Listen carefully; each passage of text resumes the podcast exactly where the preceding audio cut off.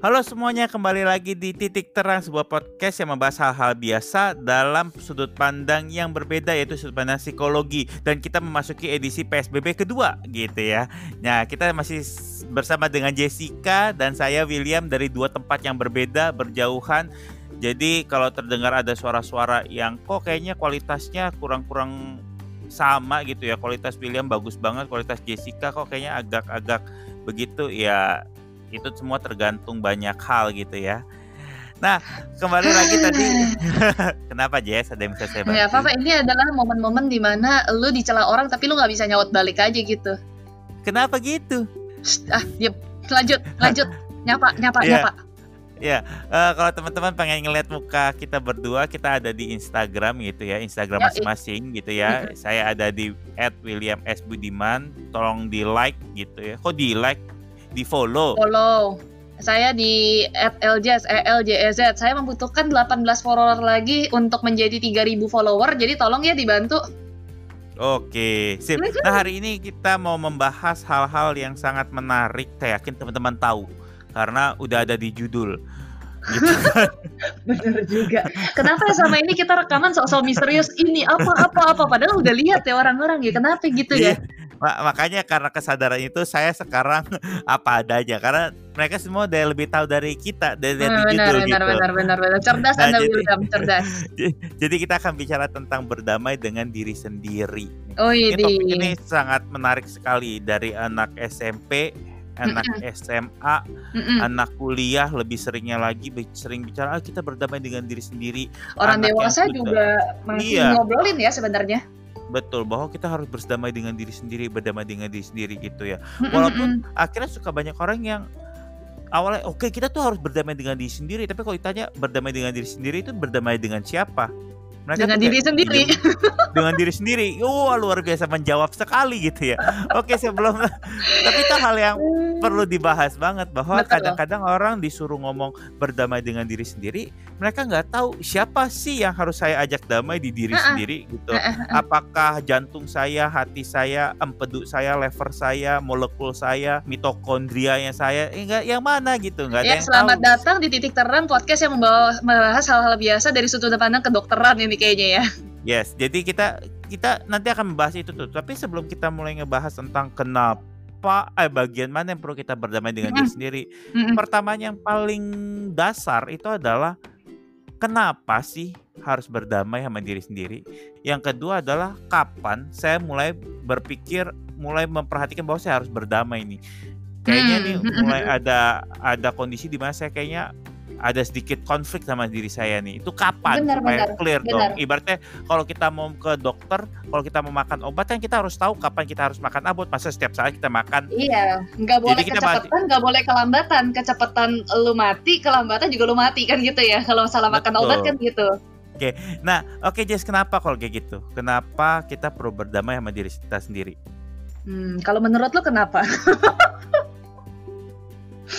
Yang kayak gini-gini nih capek nih. Aku eh. sempet udah jadi kayak asisten dosen asisten dosen pas kuliah gitu loh. Kalau kak menurut kakak pendapat kakak gimana di kerjaan aku bla bla bla? Oh menurut kamu gimana? Kayak gitu kesannya keren. Saya kayak memang perlu berdamai dengan diri saya sendiri. Ini kayaknya kayaknya sebelum kita berdamai dengan diri sendiri teman-teman tahu jawabannya kayaknya podcasternya dua-duanya harus saling berdamai dulu nih. Kayaknya gitu. Maaf, gimana Jess? Okay. Iya iya iya. Jadi kenapa penting untuk berdamai dengan diri sendiri? Ini topik yang sebenarnya uh, cerita dulu sedikit ya. Ini topik yang sangat menarik banget buat uh, gue pribadi sih karena gue kan mengalami fase-fase tidak berdamainya juga cukup intens. Agak beda sama lu ya bro. Uh, maksudnya lu kayaknya tidak mengalami gejolak-gejolak gimana-gimana ya menurut gue ya? Atau gue nggak tahu aja gitu? Biasanya sih yang mengalami gejolak tuh orang yang berhadapan sama gue. nah iya makanya gue kan, makanya gue bilang gue. eh tapi beneran nanya, lu lu kayaknya nggak nggak ngalamin fase-fase kayak gitu ya maksudnya yang kayak ada, bergejolak banget kayak merasa perang batin apalah itu. Ada ada ada masanya, tapi maksud gue ah. gue memahami kayaknya gue tidak sebegitu besarnya uh, kasus yang terjadi di gua, bukan kasus yang namanya apa ya? Uh, kondisi yang terjadi yang di gua gitu sehingga mm-hmm. gue bisa melewati itu dengan cepat gitu. Ah, I see, I see. Menurut gue setiap okay. orang sih pasti punya, tinggal masalahnya seberapa besarnya aja gitu. Betul, seberapa besar, seberapa intens gitu ya. Yeah. Nah, iya. kebetulan kalau dari gue memang karena gue pernah mengalami fase yang lumayan intens, huh? nggak nggak benar-benar intens banget. Mungkin banyak yang lebih intens daripada gue, tapi lumayan lah ya kalau buat gue pribadi, personal gue sendiri. Nah, kalau dilihat dari pengalaman gue, gue tuh berasa ketika kita nggak berdamai sama uh, diri kita itu, kita cenderung untuk uh, memilih keputusan-keputusan yang salah, kita merasakan gejolak-gejolak emosi yang nuansanya tuh mm, self defeating gitu loh, kayak marah ke diri sendiri, kecewa terhadap diri sendiri, ujung-ujungnya salah memandang sesuatu, salah ngambil keputusan, ujungnya berkonflik dengan diri sendiri gitu loh. Jadi hidup lo tuh nggak tenang nuansanya. Oke oke, artinya kalau dari yang tadi lo ngomong, kalau gue lihat nangkap ada uh, dua dua hal besar bahwa satu mm-hmm. lo jadi kalau nggak berdamai dengan diri sendiri lo berkonflik ya benar sih mm-hmm. karena konflik mm-hmm. makanya harus berdamai ya oke okay, jadi lo ber, menjadi ada konflik konflik itu which Betul. is menimbulkan hal-hal yang akhirnya menjadi tidak nyaman dan ketika mm -mm. tidak nyaman ini dan konflik ini akhirnya membuat mm -mm. salah mengambil keputusan ya iyalah wajar artinya kalau konflik Betul. ada kayak ada beberapa suara di kepala yang membuat tuh harusnya keputusan lu menjadi tidak tepat bisa lu sesali atau enggak lu jadi terburu-buru gitu ya mm -mm. kan ujung-ujungnya sebenarnya jadinya uh, dengan semua uh, konflik di dalam terus pasti kalau ada konflik di, da di dalam lu tuh punya kecenderungan untuk somehow uh, di luar sama orang lain juga ada nuansa berkonflik yang nggak selalu berantem konflik yang gede marah-marah gitu ya. Tapi entah lebih sensitif mungkin entah uh, lo juga jadi menghindar dari orang lain atau mungkin malah jangan-jangan berantem sama orang lain juga iya. Dan ketika itu semua terjadi kan sebenarnya lo tidak nyaman dengan diri lo sendiri terus ujung-ujungnya lu tidak memiliki hidup yang lu inginkan gak happy gitu nuansanya okay. lu sendiri gak senang menjalani Ber hidup berarti tambahannya lagi adalah karena lu punya konflik dalam diri sendiri sering kali itu mm-hmm. tercerminkan keluar dengan hubungan lu dengan orang lain Betul. lu bisa punya konflik juga dengan mereka karena mm-hmm. kayak ibaratnya kalau orang lagi keluka juga ketika mau dideketin juga kayaknya akan meronta-ronta gitu ya kan iya betul kayak misalkan betul. kayak dulu kalau mau gue lagi dipijat ke sleo gitu yang di sampingnya pasti babak belur udah ketabok-tabok gitu kayak nah, gitu iya benar oke gue juga gitu kok eh, tapi ini, ini hal yang yang luar biasa. Jadi ma bapak gue dulu pernah sekali bapak gue dikerokin. Dan bapak gue nggak tahan dikerok karena sakit. Dikerok kerok kerok itu udah goyang-goyang terus terus mata ma gue pernah kesikut sampai biru. Jadi memang maksud menarik sense. sekali ya dinamika keluarga lu tuh menarik loh untuk di kadang-kadang boleh deh kayaknya jadi bintang tamu di titik terang deh supaya ada sudut pandang lain nih pemirsa gitu.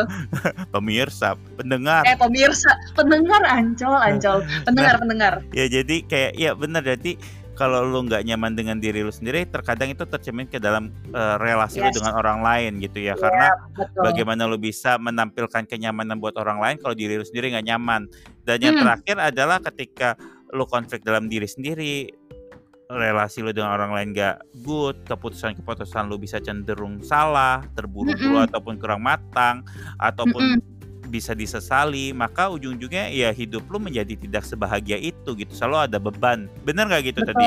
Betul. Betul betul dan itu nuansanya kayak lingkaran setan gitu loh bro ceritanya. Kayak uh, lu berkonflik di dalam ada sesuatu yang gak selesai terus lu misalkan nih berusaha untuk menyelesaikan atau berusaha untuk kayak bukan menyelesaikan sih berusaha untuk menjalani hidup apa adanya tanpa berusaha berdamai ntar lu konflik sama orang lain.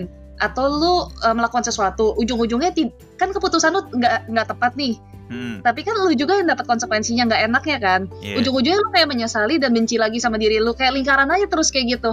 Jadi muter terus tuh. Lingkarannya gue rasa lingkarannya juga lingkaran spiral ya. Artinya iya, bukan betul. lingkaran yang cuman kayak satu satu loop bukan doang. looping. Jadi justru betul. tapi justru amplifying gitu. Semakin besar, iya. semakin besar, semakin besar gitu. Uh, putaran pertama ketika itu terjadi uh, ketika kita kembali lagi ke tidak nyaman dengan diri sendiri, ketidaknyamanan itu sudah ter Mm-mm. sudah semakin besar derajatnya, intensitasnya gitu ya. Betul betul, karena gue dulu juga gitu. Maksudnya ketika waktu awal-awal gue tidak berusaha berdamai, karena nggak sadar kan sebetulnya dengan konflik ini konflik yang perlu diselesaikan atau enggak sih? Atau emang sewajarnya tuh hidup memang penuh dengan masalah kan gitu kan? Karena karena kemakan banyak quotes quotes indah yang salah sebetulnya gitu. Jadi hidup tuh memang quote sulit gitu. Yang apa tuh apa? Aduh gue lupa, udah lama banget. Tapi dulu tuh kesannya bahwa hidup itu memang butuh perjuangan dan berat sekali. Padahal kan iya memang betul hidup tuh perlu diperjuangkan, tapi tidak selalu nuansanya dark gitu loh. Gua gitu. tahu, gua tahu. Hidup itu Apa? bukan menunggu badai berlalu, tapi menari di tengah badai. Belajar untuk menari di tengah badai. Lu Habis itu, mati dong.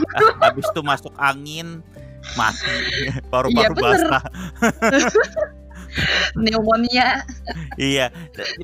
So, so maksud gua kayak gue juga paham sih karena gue juga pengalaman gue dulu kayak gitu sebelum akhirnya gue sadar baru hal tersebut kayaknya enggak enggak ganggu gue lagi in the ke depannya gitu. Iya, Itu menarik ya. Berarti Mm-mm. berarti ini penting banget kalau kita bisa harus berdamai gitu kan ya. betul betul betul. Itu penting banget kita harus berdamai karena kalau enggak harga yang kita uh, harus bayar itu seperti cicilan uh, seperti cicilan kartu kredit makin lama Betul, bunganya makin betul. gede gitu loh. Betul betul betul. Akhirnya makin lama makin bertumpuk, makin bertumpuk, makin bertumpuk, makin besar gitu. Padahal dimulai dari satu hal yang kecil, kan spiral muternya.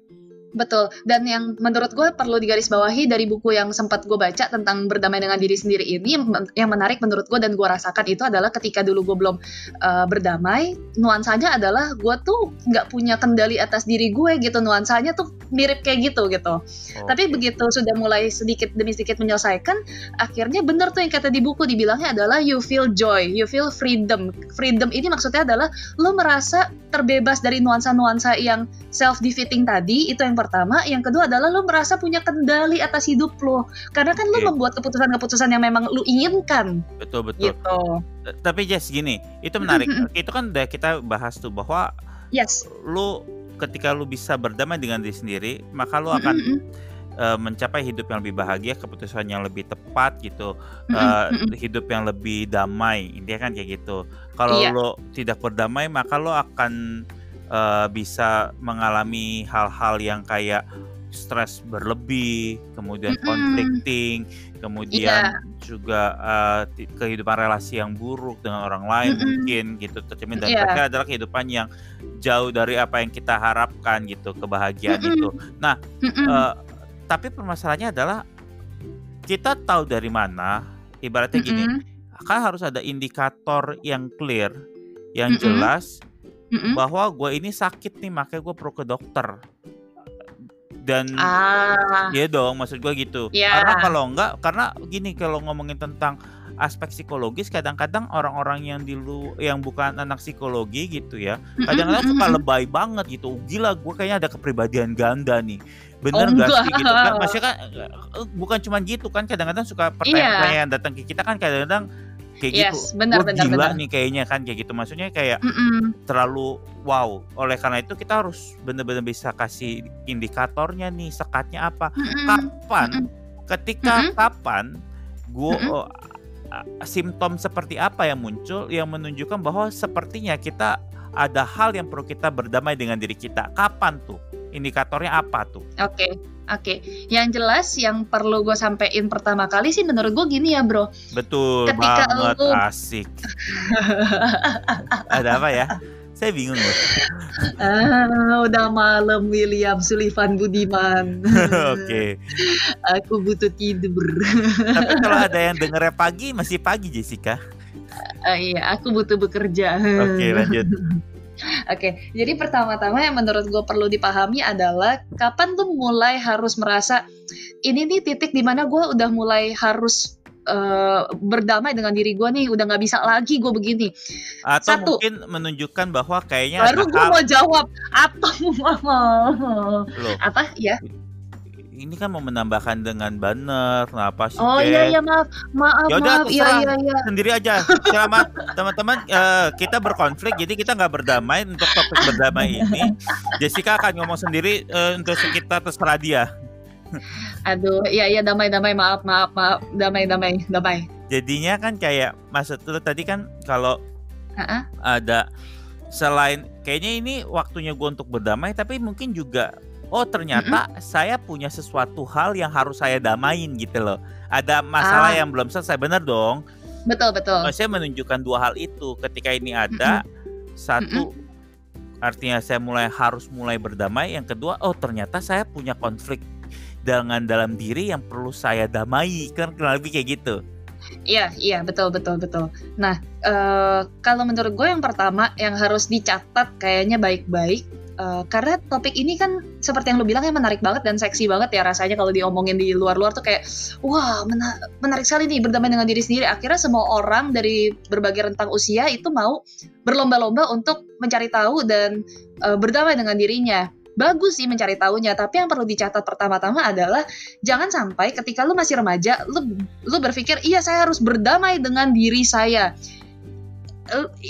menurut gue wajar banget ketika masih remaja itu pergolakannya masih sangat uh, turun naik gitu dinamika emosi emosinya pen, pen, kan soal masih pencarian jati diri soalnya ya bro ya maksud gue jadi itu hal yang wajar bukan artinya uh, lu ada yang berkonflik salah, gitu. dan ada yang ada yang bermasalah uh -huh. lu hormon uh, lu kayak, yang lagi bermasalah memang. Iya benar, hormon lu lagi bergejolak soalnya betul sekali. Bukan bukan uh, diri lo yang salah, emang uh, emang lagi tahap masanya kan sebenarnya. Jadi okay. jangan di jangan dianggap ketika itu uh, lu lu kesannya berkonflik dan mengambil keputusan salah mulu lah memang memang lagi pencarian jati diri makanya kemungkinan uh, mengambil keputusan secara natural memang mungkin belum cukup tepat gitu. Itu yang perlu dicatat baik-baik dulu gitu. Buat nah, remaja yang dengerin. Iya buat remaja yang dengerin. Nah. jadi menurut gue remaja tuh sampai level SMA kuliah awal kayaknya masih oke okay, gitu ya. Hmm. karena menurut gue itu harus turun dulu turun tuh SN gejolak gejolak pencarian jati dirinya tuh udah lebih reda gitu. Ketika okay. lu pencarian jati gejolaknya udah lebih rendah, hormon lu sudah tidak bermasalah seperti yang lu bilang tadi, bro. Nah, di situ kan lu mulai stabil ya hidupnya. Ketika masa stabil itu lu mulai merasa kayak kok harusnya ini gue pencarian jati diri udah kelar nih. Terus hidup gue sudah sebenarnya udah lebih uh, tidak terlalu menggebu-gebu dalam hal pencarian jati diri tadi gitu kayaknya udah nuansanya lebih adem dan stabil gitu. Tapi kok kenapa gue merasa gue nggak nyaman gue lebih sering kesel dalam waktu yang lama?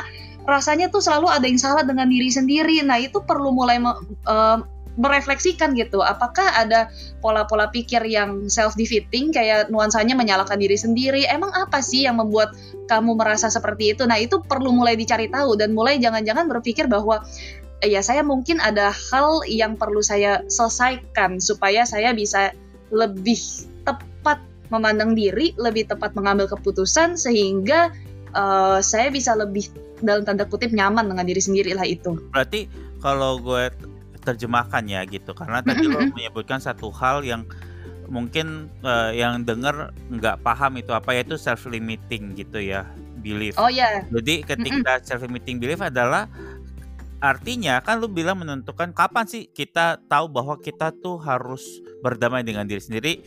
Tadi kalau dari penjelasan lo adalah ketika kita menemukan ada self limiting belief gitu ya dalam diri kita. Betul, betul. Nah, di mana self limiting belief itu artinya ada sesuatu keyakinan yang kemudian itu membuat kita merasa tidak nyaman dengan diri kita ataupun menghambat kita, baik itu mm -mm. membuat kita jadi meragukan diri kita, kesel sama diri kita, menjadi kayak uh, menganggap diri kita itu salah, menganggap diri kita itu tidak worthy gitu ataupun berlebihan ke orang lain menganggap semua orang nah. salah sama saya, menganggap seluruh dunia itu uh, benci sama saya, itu self limiting yes. belief. Dan self limiting yeah. belief ini bukan sifatnya bukan cuman kayak satu kejadian doang ya. Artinya mm-hmm. itu terjadi in a long run. Jadi orang ini kayak punya isu nih gitu. Betul betul betul banget. Makanya tadi gue bilang dalam jangka waktu yang lumayan lama ya ini. Jadi bukan cuman benar bukan cuma nongol sesekali aja. Karena kalau sesekali ya belum bisa langsung dibilang oh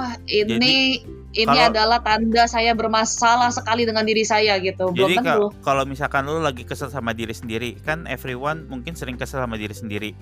Pada momen tertentu. Tapi ketika momen itu lewat, masa itu lewat, uh, stresor itu lewat, kadang-kadang masa kesel sama diri sendiri udah selesai ya. Kan kesel Turun, kadang-kadang, betul. kenapa sih gue kayak gitu? Tapi kalau orang yang punya self limiting belief itu dia akan Itu kesel kebawa tuh. terus. segala kayak nuansanya memang dia kesel aja sama dirinya sendiri, nggak suka, nggak nyaman, tidak Mm-mm. berasa kayak gue berharap menjadi orang lain gitu. Nah kadang-kadang kalau udah Yes. punya pemikiran kayak gitu lalu tahu bahwa lu tuh sudah punya konflik dalam diri karena menyebabkan semua itu lu Betul. tidak nyaman dan kawan-kawan dan pada saat itulah lu tahu bahwa ada yang harus lu damaikan dalam diri lu karena kalau lu nggak damaikan Iya. seperti yang tadi dibilang hasilnya banyak Mm-mm. banget. Jadi kita harus benar-benar peka nih sama diri kita sendiri. Tapi Mm-mm. juga Mm-mm. Gak usah semua artinya ketika lu kesel artinya gue harus langsung berdamai. Enggak juga gitu sih gitu. Jadi Iya, perhati betul betul. perhatikan indikatornya self limiting belief eh, dalam jangka waktu yang lama gitu ya. Mm-mm, Eh, dan mm-mm. juga eh, sehingga itu ketika itu terjadi baru kita harus berdamai.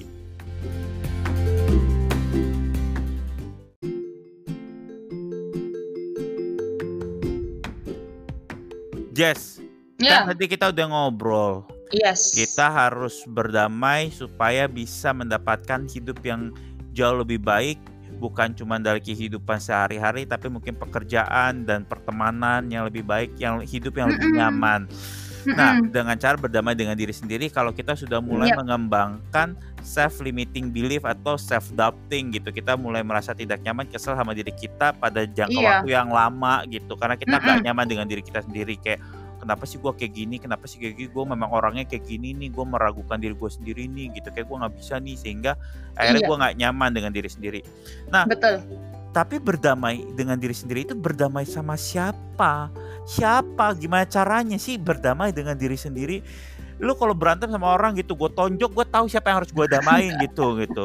Sorry ya gue Iya, tadi iya, gue tonjok. Kayak kalau diri sendiri siapa? gitu. Apakah gue harus ngomong sama jantung gue? gitu. Apakah gue harus ngomong sama usus 12 jari gue gitu. Kayak meringkuk gitu Oh. ngomong. Kalau gua nggak belajar yoga nggak nyampe gitu. Apalagi mungkin perut gua juga menghalangi gua untuk bisa ngobrol gitu. Terlalu terlalu kecil iya semoga nah Gimana sih caranya susah kalau terlalu kecil tuh gak kebayang loh. Kalau terlalu besar gue masih kebayang sih. hehehe nah jadi ngobrol sama siapa berdamai sama siapa dari diri kita sama Hmm.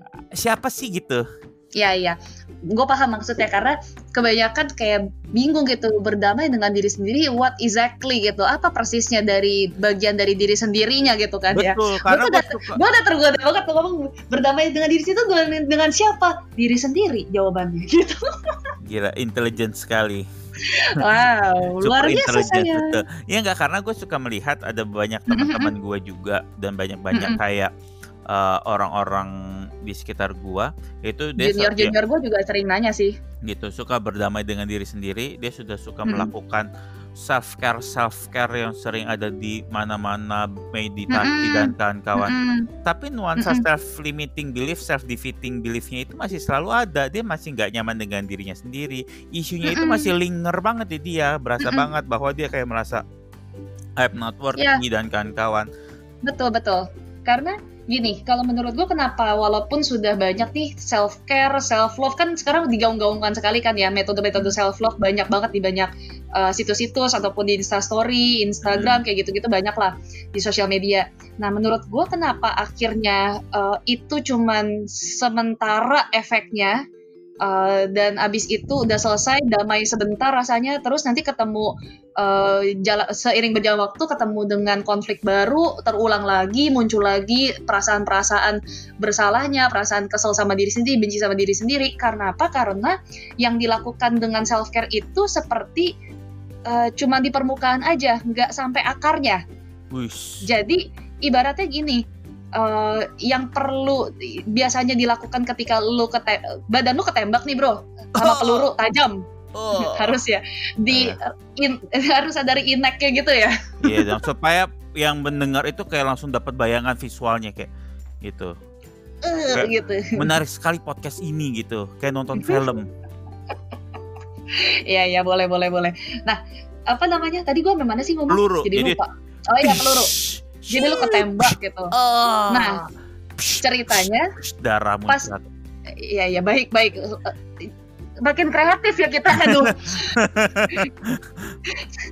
jadi pas ketembak peluru itu uh, pelurunya nggak lu ambil hmm. tapi kan lukanya lama-lama ketutup ya jadi pelurunya tinggal di dalam kan bisa tuh hmm kalau di kedokteran kan ada banyak kasus kayak gitu. Jadi pelurunya tinggal di dalam tapi kulit luarnya udah nggak ada luka. Mm-hmm. Nah, yang lo lakukan dengan self care itu sebenarnya kayak luka di atasnya tuh lo olesin obat merah, terus kadang-kadang kan ngilu-ngilu tuh. Terus lo makan paracetamol, painkiller, terus lo lihat lagi kok kayaknya kebaret, lo pakai obat merah lagi, tapi kan pelurunya tetap di dalam ya. Yes.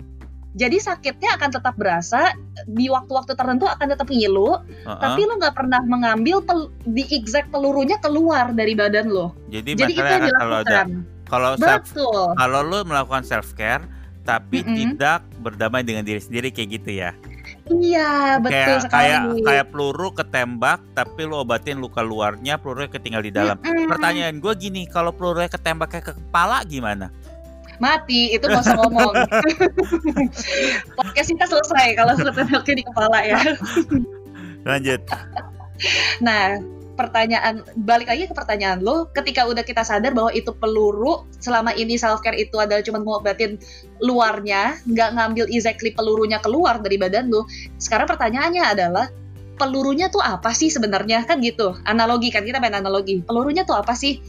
Buat gua pelurunya itu adalah kejadian pola pikir yang tertanam dari satu kejadian di masa lalu. Oke.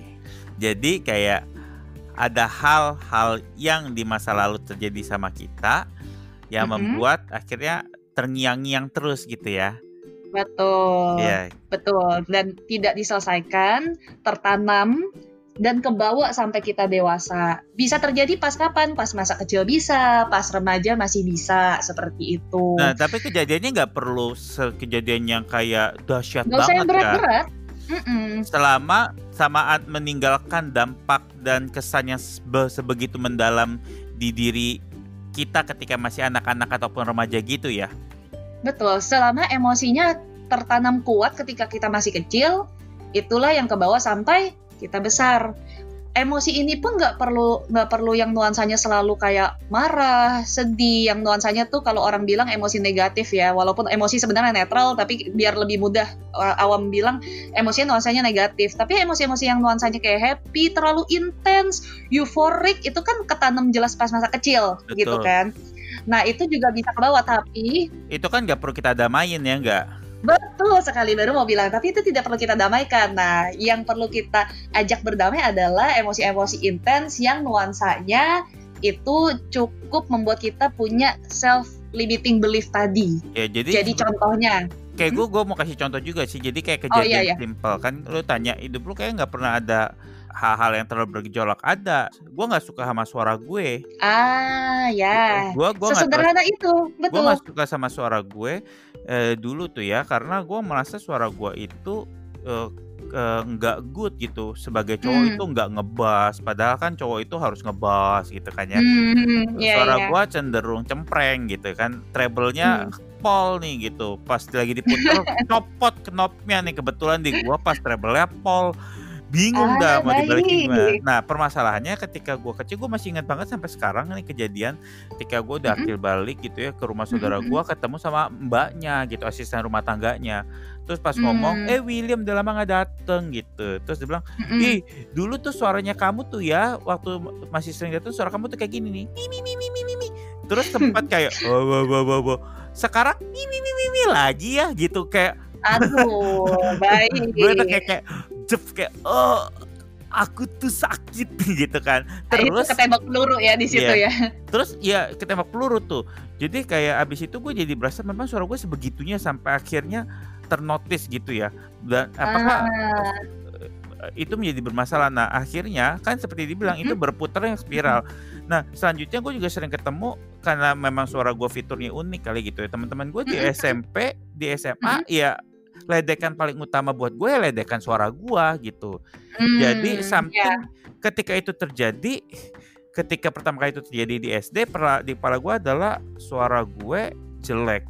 MF, yeah. gue punya suara yang jelek, ini kayak gitu. Mm -mm, di SMP, gue kayak gitu semakin sering, semakin diledekin kan, eh, ini, ini, gitu di SMA gue hmm. bahkan di buku tahunan gue ditulis adalah suara Donald Bebek kan kayak hmm. what gitu kan what ya jadi gue tuh jelek banget suaranya sampai akhirnya yeah. gue ketika kuliah sampai gue mau akhir kuliah gue tuh nggak berani mm -hmm. pegang mic sama sekali jadi waktu gue SMP gue ketua osis mm -hmm. tapi gue nggak pernah mm -hmm. untuk memimpin uh, kayak memberikan ya? pidato atau apa pun rapat gue pimpin karena orangnya dikit tapi kalau pidato di ah. depan mic jadi ya memakai yeah. mic gue tuh nggak pernah mau kenapa karena pakai mic kita dengar suara kita sendiri gue dengar suara gue ah iya iya iya benar benar benar jadi, jadi gue nggak mau gitu sampai yes. itu ke bawah sampai gue kuliah gitu bahkan ketika oh, gue okay. jadi ketua eh, ketu, gue kan ketua bem ya gue tuh masih nggak mm -hmm. nyaman eh gue ketua BPM gue masih nggak nyaman di kuliah bahkan untuk pakai sesuatu pakai mic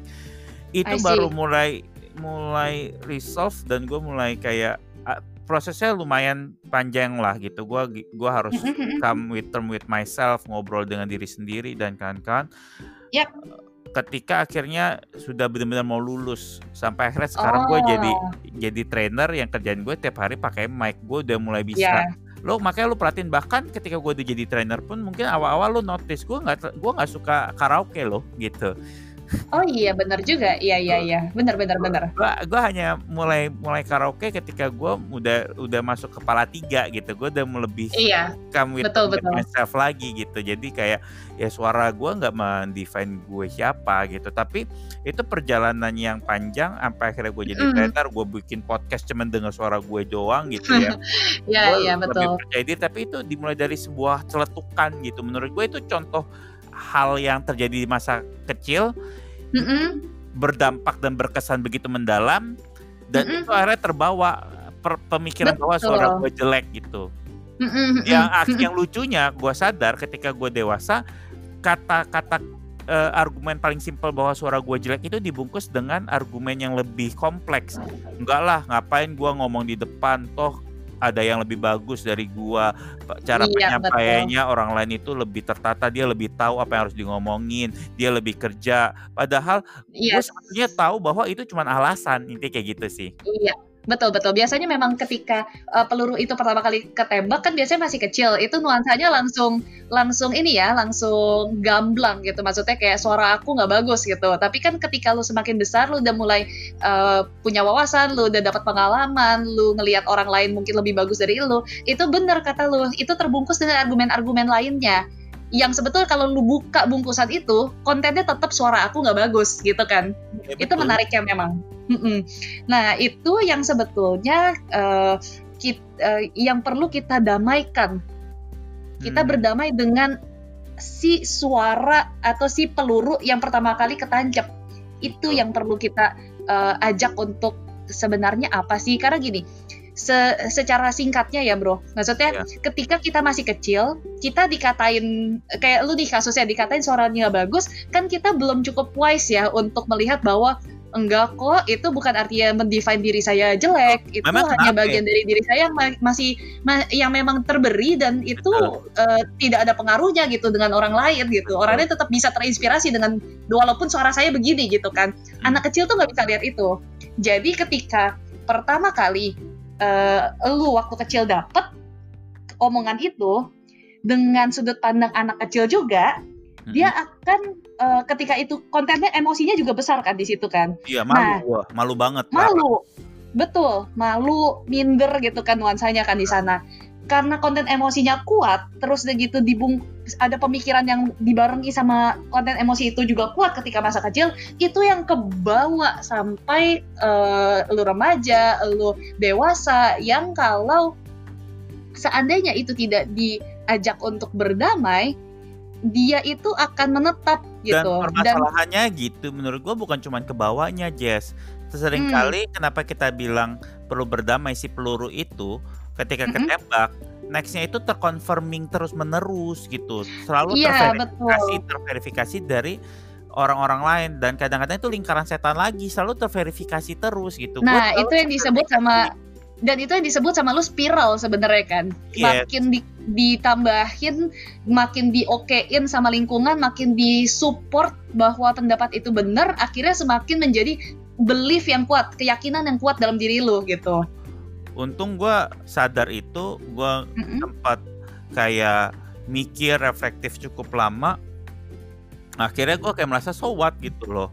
Memang Hmm. itu menentukan apa dari lu gitu memang itu Betul. kalau lu sempat ngobrol sama orang lain yang one on one aja dan dia bisa termove sama lu dia bisa terinspirasi sama lu dia bisa eh, lu punya dampak buat dia apa yang membedakan ketika lu pegang mic dan ngomong ke semua orang gitu Betul. Nggak. Betul.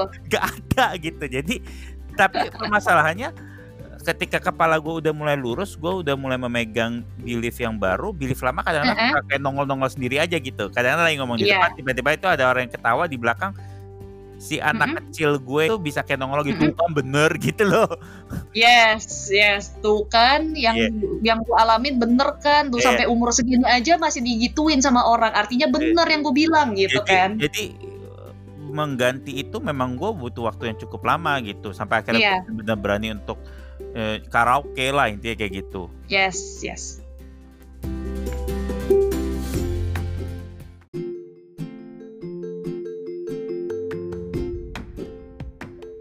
So, kita tahu nih, Mm-mm. kita tahu nih ternyata kita berdamainya dengan bagian dari kita, bagian dari masa lalu kita yang mengalami sebuah kejadian yang berdampak yang akhirnya dampaknya itu terbawa sampai dewasa.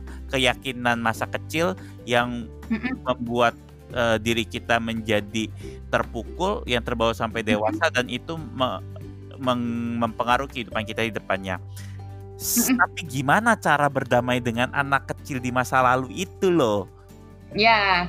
Nah, menurut gue yang pertama ada tiga hal nih. Yang pertama-tama adalah lu aware dulu bahwa lu punya uh, pemikiran-pemikiran yang self limiting belief tadi gitu. Wih, Menurut gue langkah paling awal adalah sadar, sadari dulu. heeh. Kalau ternyata nggak ada, bagus, bersyukurlah. Kalau ternyata ada, sadari dulu. Apa sih eh, keyakinan yang membuat kamu akhirnya mengambil keputusan yang salah, menghadapi orang yang salah, membuat kamu benci dengan diri kamu, terus begitu kejadi eh, ketika ada kejadian lainnya, akhirnya pemikiran itu nongol lagi, apa yang self limiting belief-nya itu gitu, keyakinan pemikiran-pemikiran yang seperti apa yang kamu punya itu dulu yang harus di aware sih menurut gue disadari berarti gue tangkap ya. Satu Mm-mm. adalah sadar, sadar bahwa apa yang menjadi eh, penghambat pemikiran, pola pemikiran, keyakinan yang menghambat diri kita, yang melakukan diri kita, yang memukul diri kita terlalu keras. Ada nggak? Karena pola pemikiran ini, keyakinan inilah yang sering kali berulang dan selalu Mm-mm. temanya sama. Tapi gue menarik Betul. banget nih dengan kalimat lu. Bukan ada kemungkinan lu nggak punya juga gitu. Jadi jangan memaksakan diri lu untuk punya gitu. Ntar beneran jadi punya kan repot ya udah bagus-bagus kagak ada gitu kan Kalau kalau lu mema- memaksakan diri lu untuk punya, nah itulah pemikiran lu yang salah. artinya punya dong jadi Jadi punya gitu. Jadi jangan dipaksain juga cuy gitu kan. betul Itu betul satu. Itu berarti lu harus aware. Yang kedua apa? Nah, yang kedua menurut gua persis seperti cerita lu tadi bahwa lu kan mulai sepanjang akhirnya lu bertumbuh dewasa, lu uh, mencoba untuk berdamai, lu kan mencoba untuk melihat bukti-bukti di sekitar lu bahwa nggak gitu kok yang terjadi, lu mencoba untuk berdebat dengan diri lu sendiri, bener nggak, bro? Iya betul. Nah, itu yang perlu dilakukan sebetulnya. Menantang pemikiran kita sendiri untuk melihat apakah yang kita amini dulu masih berlaku sampai sekarang ya. Jangan-jangan sudah berbeda kondisinya. Karena kan su- sudah menjadi orang yang berbeda dengan lu ketika masih kecil dulu. Jadi Kenapa? ditantang gitu ya. Apa lu? Apa lu? Gitu. Eh, enggak, enggak, kok, kok ngajak berantem jadinya berkonflik gak damai dong sama diri. Oke. salah. Tapi ngerti ya maksud gue menantang pemikiran itu sendiri. Kenapa? Karena gini, eh, ketika lu masih kecil seperti yang gue bilang tadi, lu kan menangkap dengan cara anak kecil melihat dunia. Lu kan sudah bertambah dewasa, sudah punya pengalaman banyak sehingga lu bisa menilai suatu kejadian dengan lebih baik, dengan lebih tepat kadarnya juga lebih pas gitu kan. Artinya yang perlu dilakukan adalah si pemikiran anak kecil ini lu tantang dengan logika-logika lu sebagai orang dewasa yang sudah lebih banyak pengalaman dan bisa lebih bijak gitu. Tapi logika Jadi- itu harus dengan dengan kenyataan, betul ya. Betul, berlandasan fakta yang ada. Jadi pintar-pintar melatih diri untuk eh, menangkap fakta-fakta yang sesuai dengan eh, yang memang terjadi, bukan Betul. me- karena kan kita kan terus-menerus belief yang salah itu divalidasi tuh sama omongan orang lain, sama pikiran kita sendiri gitu, misalnya sama konflik yang terjadi. Nah, yang kita butuh lihat adalah apakah betul belief itu yang kita validasi terus-menerus itu benar-benar sesuai dengan kenyataannya atau tidak ya gitu. Jadi yang penting sesuai dengan kenyataan karena kalau berlebih dari kenyataan lu jadi delusi bro. Jadi nah, bener. jangan juga gitu. Lu narsisistik susah gitu kan. Nah, sulit juga. Jadi intinya adalah sesuai dengan kenyataan. Jadi menurut gue nih kalau gue menyambungkan artinya hmm. ada hal-hal yang nyambung banget nih. Karena gini kan seperti tadi cerita gue ketika lu hmm. udah punya hal di masa lalu biasanya setelah itu dimulai dari sebuah kalimat keyakinan simple. Tapi ketika mm -hmm. semakin dewasa itu terbungkus dengan logika. Logika yang semakin matang. Jadi kalau lu nggak sadar lu punya self limiting belief, logika lu akan cenderung cacat untuk menutupi uh, luka di masa lalu. Ya enggak? Paham nggak? Betul, betul banget, betul Jadi, banget, betul. Ketika lu di, uh, menantang pemikiran lu sekarang ini, ditantangnya sesuai dengan di dengan kenyataan yang ada karena dengan lu meletakkan pemikiran pada sebuah kenyataan ber, berpegang pada kenyataan maka keyakinan-keyakinan yang salah yang sebetulnya logika-logika yang salah logika-logika yang merasionalisasi keyakinan salah lu itu ditantang untuk akhirnya yuk terbuka gitu biarkan luka itu yes. terlihat apa adanya sehingga lu benar-benar sadar jadi lo harus Betul. Jadi tanpa lu aware lu nggak akan bisa menantang tanpa lu sadar bahwa lu punya uh, pemikiran yang salah, self limiting belief yang salah, lu nggak bisa menantang mm -hmm. itu. Karena itu Betul. akan berjalan under the radar gitu ya. Betul, betul. Nah, yang perlu dicatat lagi adalah ketika lu berusaha untuk menantang pemikiran lu sendiri, mungkin kalau lu ter tidak terbiasa ya untuk ngobrol dengan diri lu sendiri atau menyanggah pemikiran lu sendiri, lu butuh untuk lu butuh banget untuk ditemani oleh uh, teman lu. Tapi pilih-pilih teman yang jangan cuma iya-iya aja, karena ketika iya-iya aja dia cenderung untuk mengokekan memvalidasi pemikiran yang salah sebetulnya. Padahal kan kita maunya mengcounter pemikiran yang salah itu, melawan, menantang pemikiran yang salah itu yes. kan. Dan juga nah, jangan cari teman yang cenderungannya yang penting apa pun gue debatin, padahal udah sesuai dengan fakta didebatin betul. aja gitu. Itu juga betul. jangan ya. Teman yang kayak gitu bikin betul. capek. Betul, tapi di satu sisi resikonya juga ada. Resikonya adalah ketika lo mau mengambil peluru yang udah ketanam di badan ah. sekian Iya, sekian belas tahun abaikan teman-teman suara itu barusan. Yeah. Lama-lama ganggu soalnya. nah, ketika lu memang mau mengambil peluru itu yang sebenarnya udah oh, lapisan telur? kan ngambil peluru, gue bilang. Oh, gue denger telur. Kenapa sekarang jadi telur? Lu kira ini pasca ditanam di taman perlu diambil. Oke lanjut ngambil peluru yang sebenarnya kulit kulitnya udah sembuh udah nutup ketika lu mengambil itu kan lu harus ngebedah lagi ya, ada konsekuensinya itu memang sakit dan gak nyaman untuk dilalui, gitu kan ya. Artinya ketika lu punya teman yang siap untuk me, uh, mengcounter pemikiran yang salah, menantang pemikiran yang salah, rasanya pasti nggak nyaman. Jadi oh. jangan di, jangan dibentak balik temen lu, jangan dicakar temen lu gitu. Ya, yeah. gua ibaratnya gini lah hal simple sederhana suara lu jelek cuma gara-gara eh William dari suaranya eh ini ini jadi oh, oh, oh. sekarang kok ini, ini lagi itu gue butuh waktu sekitar ya eh, tujuh tahunan lah gitu enam tahunan sepuluh tahunan bahkan berapa belas tahun lah gitu ya ya lu paham ya itu nggak semudah itu jadi memang artinya benar nggak nyaman tapi lu butuh usaha untuk di sana Iya betul Lanjutnya sekali. Ada lagi nggak Jess? Itu selain lu aware ada. dengan pemikiran lu, lu bisa mm -hmm. menantang uh, pemikiran yang salah lu. Setelah itu apa? Mm -hmm yang ketiga ini yang terakhir sebetulnya adalah self care. Jadi gue nggak bilang bahwa tadi kan sempat dibilang self care tuh cuma kayak obat merah atau painkillernya aja gitu. Nggak nggak benar-benar mengambil peluru yang sudah tertanam yang sebenarnya harus diselesaikan pelurunya. Tapi bukan artinya si obat merah sama paracetamol atau painkiller itu tidak dibutuhkan gitu. Itu tetap dibutuhkan karena gini, bayangkan ketika peluru gue ambil nggak perlu gue kasih apa-apa mati dong lu infeksi iya betul banget. Kan nggak gitu juga gitu. Nah bayangkan lu sadar nih pemikiran yang tidak yang tidak tepat gitu kan. Ketika lu sadar aja mungkin kayak ya ampun gitu rasanya capek untuk menemukan itu. Terus apalagi lu harus menantang pemikiran lu sendiri. Mungkin pertama-tama dibantu sama temen lu. Iya apa lu gitu. Di ditantang sama temen lu itu aja juga kadang-kadang nggak -kadang enak ya dengar kritik aja nggak enak apalagi ini something yang ada deep inside you gitu. Dan emosionalnya gede. konten emosinya juga besar betul. Nah, pasti gak nyaman. lu nggak ngerti gue gitu. Iya exactly. Nah, terus begitu juga ketika lu udah mulai, mungkin tuh mulai terbiasa nih untuk menantang pemikiran lu sendiri. Pasti kan butuh energinya juga capek. Nah, yang menurut gue perlu dilakukan adalah kasihlah apresiasi terhadap diri lu sendiri, self care lah. Itu ibaratnya lu sudah berusaha bersusah payah berdamai dengan diri lu, lu butuh jeda istirahat juga, ngisi lagi energi untuk lu berproses kembali. Jadi self care itu tetap dibutuhkan gitu. Jadi di saat setelah itu lu bisa sambil menemani beryoga, hmm. bermeditasi, mindfulness, apa pun lah yang lu pelajari.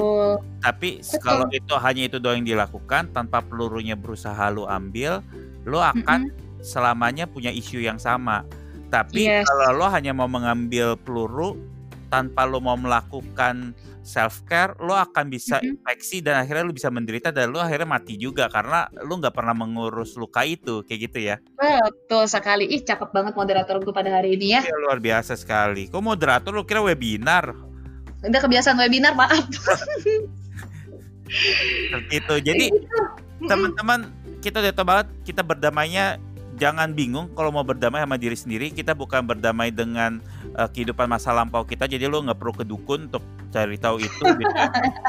cari tahu aja bagaimana diri lu punya nggak sih? Gue self limiting belief self defeating belief yang membuat gue menjadi tidak nyaman memandang meragukan benci ataupun tidak nyaman sama diri gue ketika itu sudah ketemu lu somba sambil menantang pemikiran-pemikiran itu perlahan-lahan sampai akhirnya ke akarnya gitu ya. Mm-hmm. sampai akhirnya lu bisa sambil sambil lu melakukan itu along the way karena itu butuh waktu yes. butuh proses lu terus melakukan self care jangan yeah. hanya care doang tanpa lu pernah berani untuk terjun menuju inti di mana lu pernah merasa itu ingat semakin lu pengalaman itu semakin besar, semakin menyakitkan, tentunya semakin dalam peluru itu ketanam, semakin butuh usaha dan butuh waktu dan tentunya semakin tidak nyaman. Tetapi itu diperlukan sebelum akhirnya menimbulkan masalah yang jauh lebih besar daripada hanya sakit sekitar berapa lama.